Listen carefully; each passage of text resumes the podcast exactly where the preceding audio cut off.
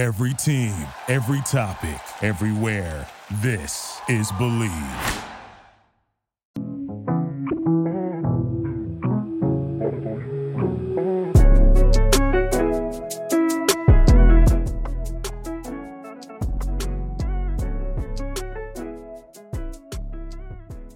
Good evening. Welcome to Believe in Grizzlies. Today I have Sean Coleman. He's a writer at Grizzly Bear Blues, and Sean is one of the nicest people I know. And he is really a stats guy. He's really a nerd. I'm just gonna go ahead and say it. He's a nerd, and I love that. How you doing, Sean? Hey, I will. I'll be the first to say I am as nerdy as they come, and but I'm I'm I'm comfortable in that space. Sharon, it's it's a pleasure to be with you again. Thank you so much for having me. Yeah, so let's talk about the game last night. Um, wow. So what are your thoughts on the game last night? For me, um, I knew going in it was gonna be a tough, tough out for them. I didn't figure that they were gonna blow them out, but I didn't know that they was gonna get like a 19 point lead. And then like both teams, you know, they had double digit leads that um they lost. But I knew, you know, like the twin towers of Jaren Jackson Jr., and Steven Adams, and the twin towers with um oh, I can't think of the guy's name with the Cleveland Cavaliers. I know their name, but I can't think of them right now. Yeah, Evan Evan Mo- Mobley and Evan Mobley and Jarrett Allen. Yep. Yes, when they I knew it was gonna be just like Jaren was just gonna have his way in the paint with them, and I knew like the rebounding probably would be a little iffy or whatever. And you know Garland, he's really good. And then like man, I know they're a good team, but when Donovan Mitchell, you know, when he's healthy, man, they just gonna be trouble in the East. Oh, a hundred percent. And and the thing that kind of you know struck me last night is, you know, it was it was a battle against two you know teams I consider to be contenders. You know, especially mm-hmm. when when Cleveland gets Donovan Mitchell back. But the thing that stuck out to me last night of it, Sharon, was that it went a bit off script, right? Like right. the, the, these two teams were the top two rated defenses in the NBA going into last night's game. The Grizzlies had won 11 straight, defending the three better than anyone in the league. And Cleveland was a top five defense guarding two pointers, guarding the paint. Well, right. Cleveland shot 45% from three. The Grizzlies had their way inside, so it went off script. And how did the Grizzlies respond? They responded by winning in the you know, in a vintage new generation way. You know, leading up to this year, they won so many games last year and previously, having more possessions than the other team, offensive rebounding points in the paint. That's exactly what they did last night 15 more shot attempts, 26 points off 19 turnovers, the advantage on offensive rebounds, advantage in the paint. So, what really stood out to me last night, Sharon, is that Cleveland was able to find success against what we had been doing to mm-hmm. win games. But when they found success, we were able to go back to our old way of doing things and be able to do it. It just once again showed that as this team continues to mature, it has a trait about itself in which it can win in different ways against quality competition. That's how you survive and thrive in the playoffs. Great win last night.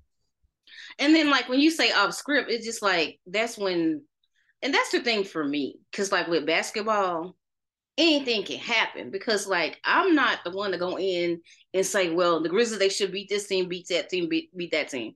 Sometimes things don't always go as planned. And we have to realize these are NBA players, anything can happen. And then when people talking about what the Grizzlies need to do as far as the playoffs concerned, I don't think that I don't think that we are there there yet. I know people like to discuss it, but we really don't know what's going to happen in a playoff series until it actually happens. We think we know. I think we be trying to predict the future, and then it's just like we can't go off of what happened last year because these are totally different teams. The Grizzlies got a totally different team, and then the West is different. We just don't know what's going to happen. And I think people saying, you know, like, well, we should trade for this guy, that guy, and that guy to me, I'm just like, I'm the one that wants to wait and see until things actually happen. Absolutely. And and you know, we, we we talk about the fact that you know, we know this Grizzlies team can win. You know, a number that I throw out, my favorite number when it comes to the Grizzlies is 35%. Since last year, when the Grizzlies shoot 35% or, or better from 3, they've done it 60 times since the start of last season. They win 90% of the time when they shoot 35% from or better from 3. I bring that up because if the Grizzlies do that, then all the other things they do well play excellent defense, get more possessions, out rebound the opponent. All those things are advantages for the Grizzlies. And then when they're shooting the three with their opponent, the opponent has very little advantage to be able to win the game. And so the Grizzlies have done that against less than their level of opponents over the past 11 games for the most part. Let's see what they can do in this last stretch in January. When you say that the Grizzlies aren't there yet, I do feel they are a more valid contender right now than they were this time last year. Mm-hmm. But I still want to see this level of defense. I want to see us find some success from three. I want us to see I want to see us continue to figure out ways to win games against quality competition before I truly say we're one of the top three or four contenders in the league. Okay, and then for me, I always see like with the Grizzlies, like we know like Ja gonna do this and that. But last night we had unlikely heroes in Steven Adams with the putback and Dillon Brooks with the defensive block. And I think that's good for the guys, Dillon and Steven Adams. And for the others to know that we really don't have to depend on Ja to do everything. Because sometimes it seems like they wait on Ja to do everything. When they work together as a complete unit, they just are hard to beat. So what are your thoughts on that? Oh, absolutely. And and and you're right. That is that is another point that you see maturing. You know, two years ago, that's something that we would see. Last year, Ja Morant went on the best scoring stretch that the Grizzlies has ever had in his career, and that's what helped the Grizzlies win a lot of their games. This year, it's the collective unit. It's the defense being at the championship level. It's others stepping up when we need them to. Desmond Bane taking over the scoring responsibility. Jaren Jackson Jr. taking over, you know, d- you know, dominating the game defensively. But you hit the nail on the head. The other thing that stands out about this year's squad, Sharon, is that people truly know and embrace what their role is. And that's what happens when you have a fully healthy roster. Dillon Brooks, Steven Adams, ho hum doing their jobs last night. They didn't need to be in the spotlight because they know that when that spotlight shines on them, they're going to be in the right place at the right time to make the difference. Adams did it with the tip shot. Uh, Dillon Brooks was able to do it with the block. So on a night where our big three starred, it was great to see our fourth and fifth best player really be able to make a difference. And, and that's why the Grizzlies, you know, you can make an argument right now the Grizzlies have the best performing starting five in the league. Right. And uh, okay, the next question I want to ask you, um, you know, it seemed like the team's mentality has changed, you know, since they lost that four out of five, including that Christmas game, and then when they came back and they lost to Phoenix, and then that's when you know they went on the wrong after that but it seems like their mentality changed.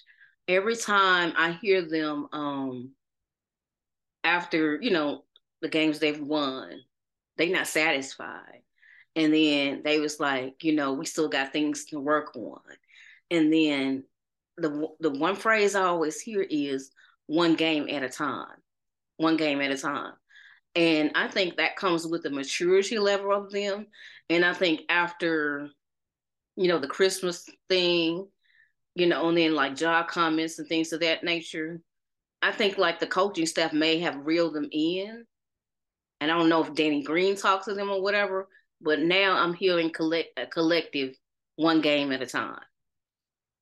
Absolutely. And that's something that you've heard for years, right? Slow mo, Kyle Anderson, who, mm-hmm. you know, definitely, you know, if you don't want to say he's missed on the court, that that's fine. But I do, I, I would be very, very um, confident in saying that he he will be missed for a long period of time in that locker room, even with Danny Green there. And that's nothing negative. But the reason I bring up Kyle Anderson is because that's what he always hit on, even two years ago. Mm-hmm. Not too high, not too low. Taylor Jenkins talks about it, not too high, not too low, a day at a time. The one thing that I don't think's talked about that much with how young this team is, Sharon, is they are used to winning. We talk about, you know, potentially their youth, you know, even their lack of experience. Mm-hmm. Right now in the NBA, they've got there's some of the this is one of the more experienced rosters when it comes to winning in recent years. And that means something. And the reason why they've been able to consistently win is because they immediately acted like they've been there before, even though they hadn't. And that mm-hmm. comes from the coaching staff instilling that type of mentality, the front office finding the right type of players, being able to maximize on older prospects coming in and doing their jobs, finding guys who would embrace their roles, and obviously veterans, the veterans that we have had really making an impact. So you're absolutely correct. The mentality of this team is just as important as the talent level. They never get ahead of themselves too much. They always allow for themselves to be in the moment, not get too high, not get too low. And that's why even as they get younger, or they potentially, you know, double down on investing in their philosophy, they remain successful because of how good they are at executing it and knowing that if they trust in it, it's going to maintain success as time goes on. Okay, so last night Desmond Bane would act was asked about the previous 11 game win streak from last year. And he said the difference is, he said, we take it one game eh, by game. Last year, obviously, was our first time doing it. So there was a lot of excitement, but it's a new season. We're trying to set new heights and do new things. The past is the past. We're just focused on one game at a time. So absolutely, yeah, absolutely. Okay, um, what are your thoughts on this five game road trip? I know it's going to be difficult. In Denver, you know, who who also who is number one in the West right now. They got a uh, I think they got a five game road trip. A five rank five game, I don't know if it's a road trip, but they got five tough games. And for me, I'm just thinking I want them to beat the Lakers on Friday so they can break the winning the winning streak record. And then after that, I, I don't know, but I don't think that they're going to win all the games. But I don't know. If they do, it's going to be tough. It's not going to be easy, and they're going to work hard because everybody is coming for that streak. You know how like when um Golden State won all those games, um, and then uh, the Miami Heat, that time the Miami Heat won the games when LeBron was there. People are going to come for that record. They're going to come. They're going to want to um, tear their heads apart. So, what are your thoughts on it? I want to rewind the clock back five weeks, Sharon. And the reason that I mentioned that is because of this. You need all you need to do is go back to December 15th. Mm-hmm. Okay. On December 15th, the Grizzlies won their seventh game in a row mm-hmm. at home against the number one defense at the time in the NBA, they beat them 142 101 to win their seventh game. Mm-hmm. And then we go on a four game win streak, Sharon, and we get thwarted. It's the game that Ja got or got ejected in, surprisingly, but mm-hmm. we lost to the Thunder, and then we wound up losing four out of five. When you talk about that mentality of the Grizzlies having been there before, mm-hmm. we're talking about them being on an 11 game win streak and now going on a tough road trip. They just did that last month. And last month they got humbled a bit, losing four out of 5 mm-hmm. including the Christmas Day game and the next game against the Suns. The Grizzlies have been there before. They know now not to take it for granted. You talked about Desmond Bane. We've been here. We know how to take it one day at a time. I do think that they'll get the job done tomorrow when they're 12 straight. I don't necessarily feel confident to win all five games on the road. That's just mm-hmm. in respect to the other team. But the thing that I'm getting at that you hit the nail of the head, you hit on the head, is that just a month ago, they experienced what being too ahead of themselves felt mm-hmm. like. Now, and on even higher stakes, they'll take that, you know, reminder, and I think they'll be perfectly fine. Even if they lose a game, they'll bounce right back against tough competition and get it done. So we saw what happened in a negative sense a month ago. I think they'll remember that, and I think they'll be ready to take it on. I do think they get the uh, franchise record tomorrow night. Okay, and, let's talk. Well, and the other the other thing that I'll say beyond that, I hope they do. So then that's taken care of. It becomes less of a narrative, and we can just focus on basketball again. Right. So let's talk about three point deep three point defense. Um, you know, before it was pretty bad, pretty bad. So what did you think changed? Oh, it, it's pretty simple. Jaren Jackson Jr. being back and Dillon Brooks being available. What that does is both of those players, and and I don't know in general, I don't know if there's a better defensive combo mm-hmm. in the NBA right now, but especially when you consider perimeter and post player. But what it does is it just allows for the Grizzlies to have the other three players that are on the court with those guys. It simplifies what they're doing. And they know with confidence that they've got the guy who can back them up on the perimeter, the guy who can back them up on the post.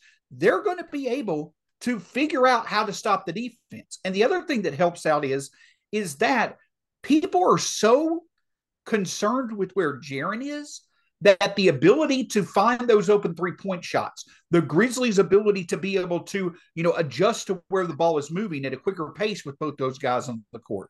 It all comes back to having two of the better defenders in the NBA, allowing the other three guys to be able to, you know, better complete their assignment. So I think that has a lot to do with it. One thing that does need to be pointed out the Grizzlies being the top three point defense in the NBA over the past three weeks it's been aided by the fact that they've been playing some of the worst three point shooting teams, but there is a clear difference with this team now versus where it was in that you have confidence in these guys knowing that they're going to be able to close the gap and limit the overall looks that teams get. It's going to be put to the test over the next five games. Last night left a little bit of concern against a good three point shooting team, but if the Grizzlies can get at least be league average through the end of January, I think they'll still win more games than they lose to complete the month.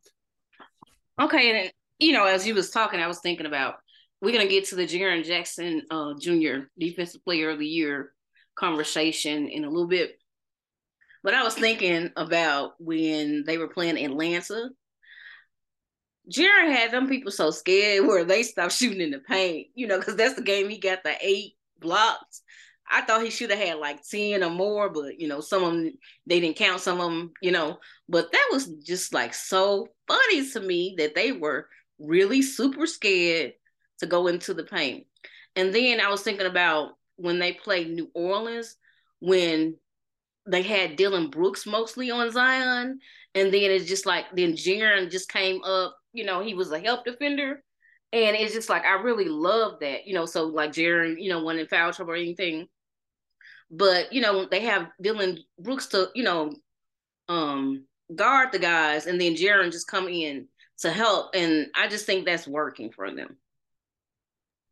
Absolutely. And that game that you were referencing against Atlanta, one of the things that I did not truly appreciate Sharon until uh, over the past, you know, few times I've been, you know, to a game this year covering for GBB.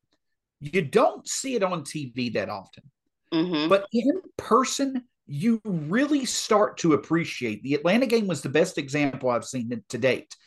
You appreciate that it's not just the blocks mm-hmm. that Jaren does. It's the hesitation of players in the lane. They're looking for Jaren. It's bouncing it off their foot. It's them not getting the proper footwork to get the shot up.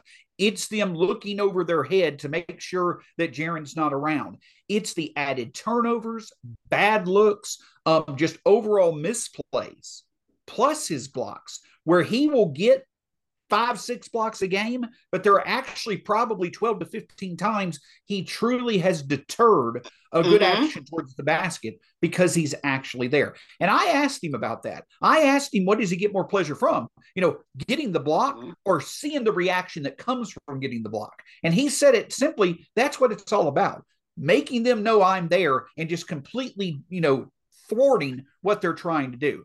So Jaren knows that that happens. Jaren knows the impact of it's not just the blocks, it's his presence. And that Atlanta game was absolutely wonderful. But that happening every game now is what has that ripple effect literally out on the Grizzlies defense, which extends out to the three point line, allows for them to get turnovers. Just it makes everybody's life so much easier to where their assignments are simplified and they can be more effective doing it. Oh, and I got to shout out Steven Adams he's been pretty good. He's been blocking shots. He's been doing stuff on offense that he didn't do last year. But I know he said that he, you know, more comfortable this season, and it's just it's just been you know wonderful. And I'm glad that he got the um, game winning bucket last night. So I was talking to somebody today, and I was like, well. it just seemed like there's a narrative going on in the national media and people talking about it. Well, Jaren can't get defensive player of the year because he fouls too much. He's not on the floor a lot or whatever. And I asked people, do you watch the Grizzlies game? And to me, these are the same people who said that Ja Morant shouldn't be an MVP conversation because they're mad because the team still win when he's out. Which one do you want? I don't get it. And then I, I think these are lame excuses not to, you know, put Ja Morant in the MVP conversation and then to say that Jaren Jackson Jr. shouldn't be the defensive player of the year. I, I just don't get it. And there's, well, yeah, there's nothing to get. don't mean didn't mean to interrupt, but I'm with you. There's nothing to get. So you you can you can go go ahead and share your thoughts on why you think Jaren should be the de- defensive player of the year what we've been talking about. There just simply is no one who is close. And I want to emphasize this perspectives, numbers, what, have you. Right now, when you talk about Jaren Jackson Jr. being in the running for Defensive Player of the Year, the only reason why Brook Lopez, Nic Claxton, and others are in the conversation with him is because they've played 300, 400 more minutes on the season and they have more counting statistics. They're all NBA level defenders. I'm not trying to take anything away from them, but I just want to emphasize how impactful Jaren Jackson Jr. has been. If you want to bring up the fouls, waste your time with false narratives. Jaren Jackson Jr. right now is averaging three fouls per game. The last six defensive players of the year have averaged between 2.6 and 2.8 fouls per game.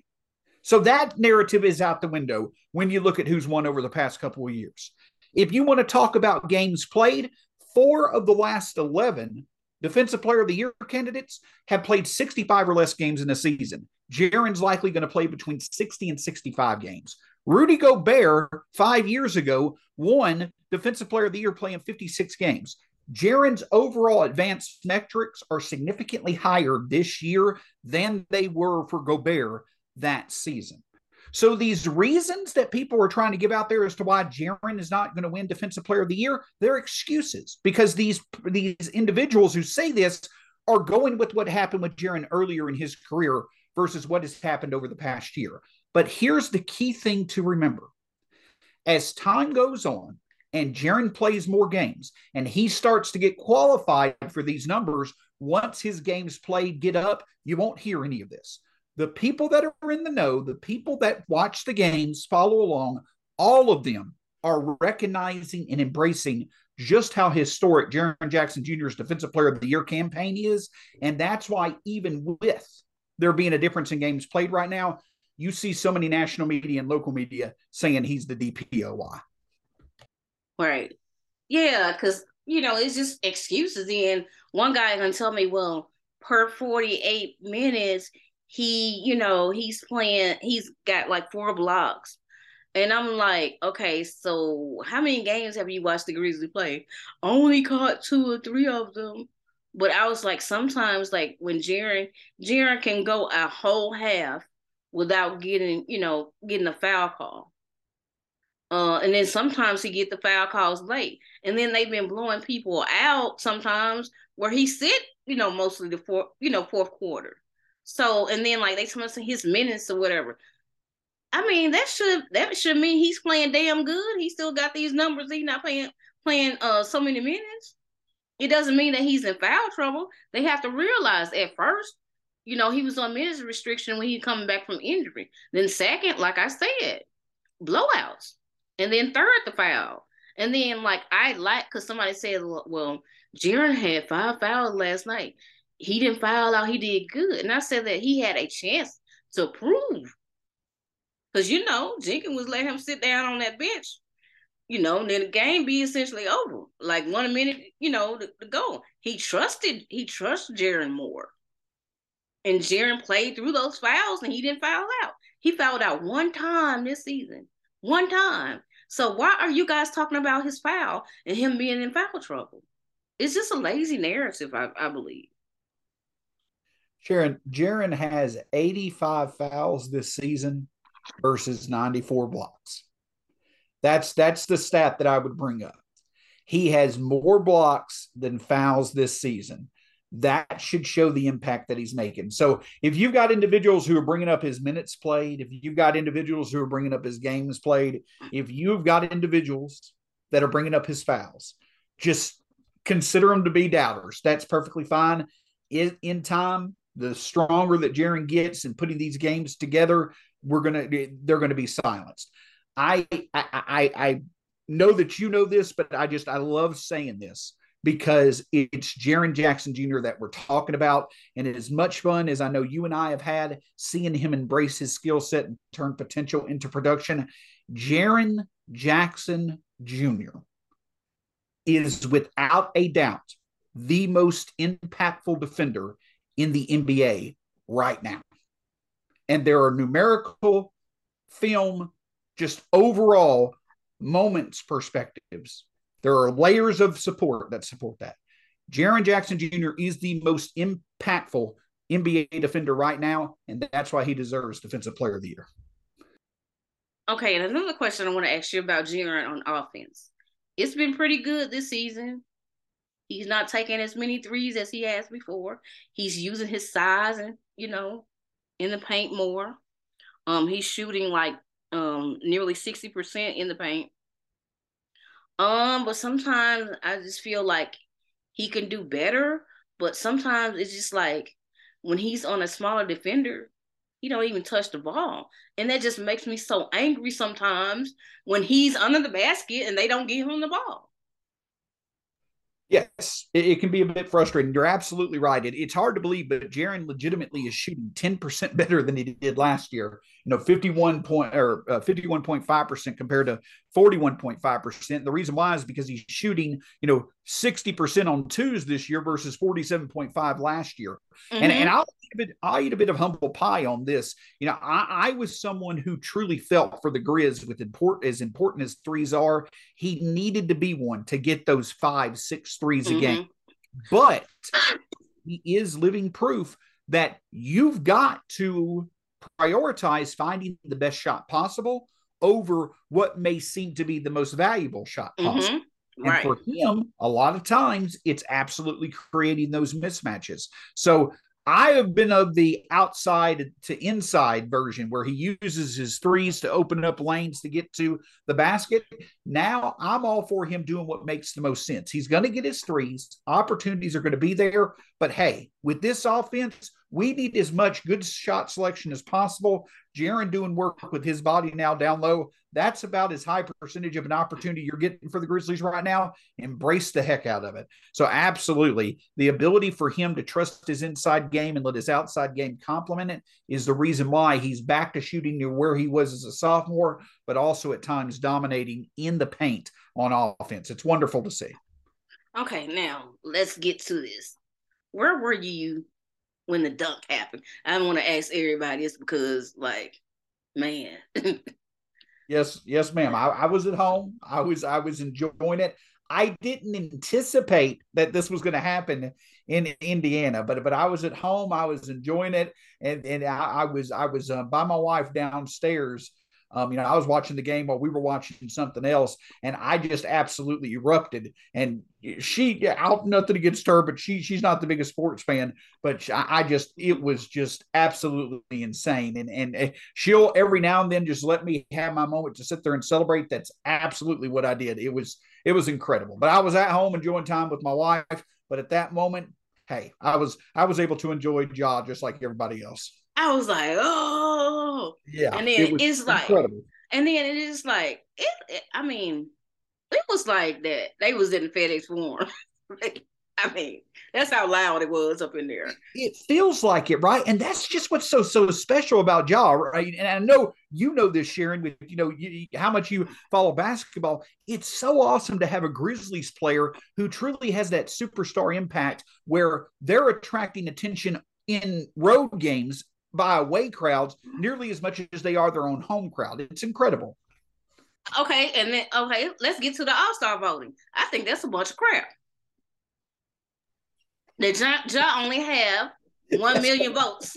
I, I, I, that's that that's a bunch of crap to me. you cannot tell me how popular this man is. how this the last year he started, yeah. The Grizzlies selling out opposing arenas. Something wrong.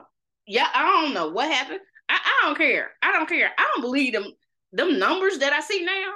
He only got 1.9 million votes. Are you kidding me right now? No, sir. Mm-mm. Seventh or eighth in the West in vote getting. I agree. It, it, it's a bit no, odd. no, no. Mm-mm.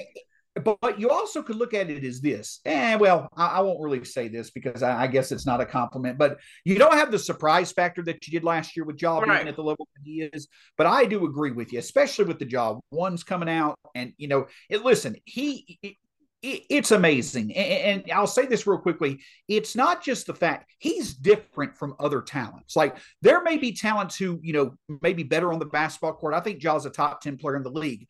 But my point is, is that getting it from a brand perspective, and when it comes to legends, you heard Gary Payton talking about him. Right. You have all-time greats like Stephen Kevin talking about him. You don't see players Ja's age getting the love that he gets from his older peers. So that resonates, and I agree with you. To that point, it is pretty amazing to see where the, the vote's a bit lower than you would anticipate. Exactly, because like they were like higher than that last season. I'm like, but I'm, you know, it's just like the coaches are gonna go are gonna vote Ja in, I believe. So, do you think that Jaren should be in? I yes, I, I do think that Jaren Jackson Jr is playing at an all star level. I think that he's playing at an all NBA level. Mm-hmm. Do I know if it's going to actually work out with the fact that he missed 15 games? Mm-hmm. It's going to be hard to. And, and, the reason why that is is because you know he, he, he he when I say he's not Draymond, he doesn't have that dynasty tag on him that has you know got gets Draymond in on the voting. And it's still the fact that you have seen some legitimate talents break out this year that deserve to be in the All Star game, like Lauri Markkanen, um, mm-hmm. Zion, obviously as well. And with Jaren's overall dominance being on the defensive end, offense sells more than defense when it comes to votes for the All Star game. He is playing at a level to where he should be considered for the All Star game. But I just think with where the voting for forwards are right now, it's hard to see him getting in. The one, the one thing though that stands out I do think that he deserves to be in over Bane just because Bane's missed more time. Mm-hmm. If the. Grizzlies are top in the West, you typically do see the top team in the conference get at least two in. I think Jaren and Ja both deserve to be on it. But you know what? I think there's like, you know, like you choose like um, you know, like the bench, you choose like five, and I think you choose two wild cards. I think one of them may be Jaren. I'm not for sure because the coaching voting usually be, yeah. you know, that's what I think he might get in through the coaches vote. I know they're gonna vote for Ja, but I just don't know about Jaren. And then maybe if some, you know, like some of the players might not be able to play during the game or whatever, maybe he can be a replacement player. But I know sometimes they go by vote. But I'm just hoping that Great point. he gets in. He gets in.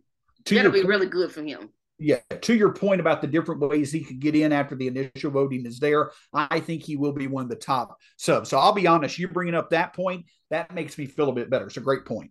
Yeah. Well, I appreciate it talking to you. We had a good time. Hey, you're gonna have to come on again.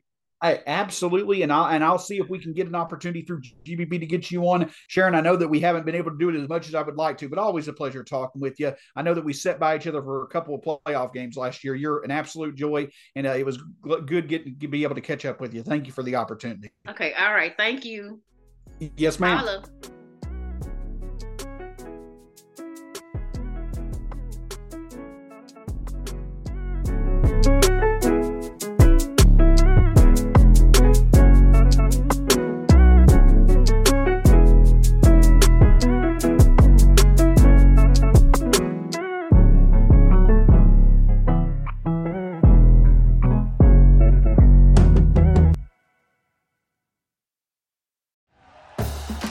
For listening to Bleav. You can show support to your host by subscribing to the show and giving us a five star rating on your preferred platform. Check us out at Bleav.com and search for B L E A V on YouTube.